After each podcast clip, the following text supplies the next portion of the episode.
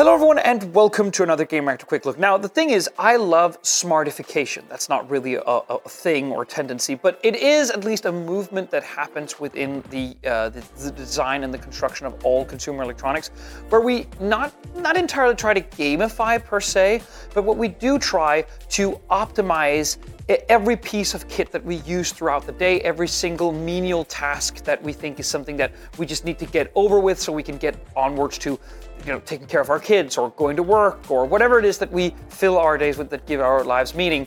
I love the fact when we make our light bulbs, our sort of smart uh, like garden watering watering systems, r- robot um, vacuum cleaners, and lawnmowers.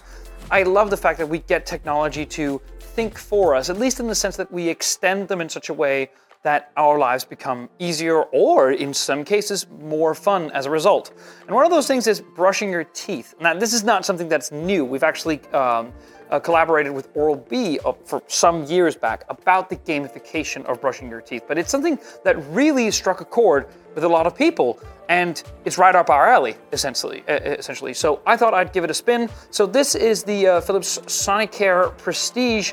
Um, it's called, I think it's called the 9900 specifically, but it's part of a, a, a, a, sort of initiative from Philips to try and make just the, the again the really like standard act of brushing your teeth more fun by using software. So the thing is, you for one, you get this case. I mean, this is obviously the uh, the, the sort of the more fem- feminine version. You can get like it's very, I think, perhaps too divided up to something that is primarily designed for men and women. So this has sort of the velvet gold accents, which is a bit much, but still, I mean, it's cool that you get this traveling case, and this is the actual toothbrush inside. It doesn't look like anything out of the ordinary, I would say. If you purchase a high end toothbrush, that's probably what you would expect. But there are cool things here. For one, in the bottom of it, there is a standard Qi wireless charging pad.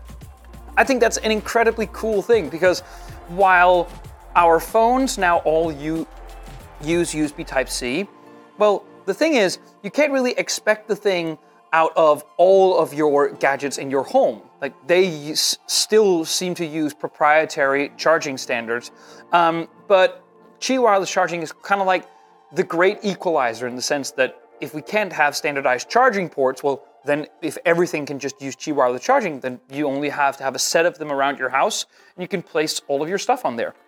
You do get this little center piece here. It's just molded plastic essentially, but it just helps when you place it on your Qi wireless charger to help it align properly. But the thing is, if you have one which with uh, with enough wireless coils, you should just be able to put it down and then it charges and it gives you a little vibration and an LED light when it does that. I think that just for starters, that is really, really cool. And you do get a little wireless uh, charging pad in the box when you purchase yours. So that is really cool to start with.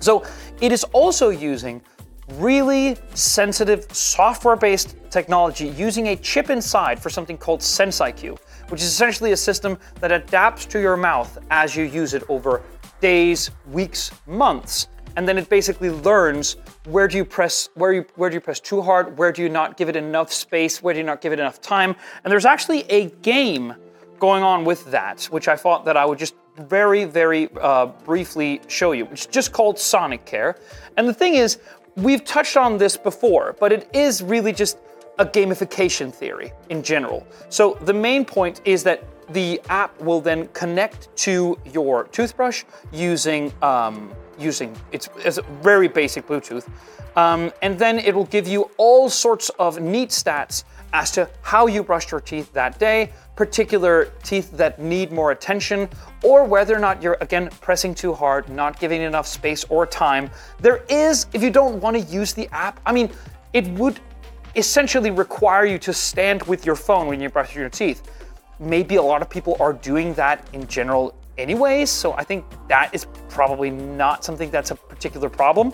But for those that don't want to do that, that just wants the data to sync to your app and then you know become smarter when you actually open it up later in the day. There is a uh, an, an LED light here at the bottom, which essentially will tell you. I don't know if I can get it to do that, but the point is that this lights up and becomes red if you press it too hard, um, or if you essentially just you know aren't being as delicate as you probably should be. So, I mean, is this a markedly better toothbrush than other like high uh, premium toothbrush on the, on the market? I don't know. I, am I'm gonna have to properly test it, but I, I'm, I'm not sure that I would be.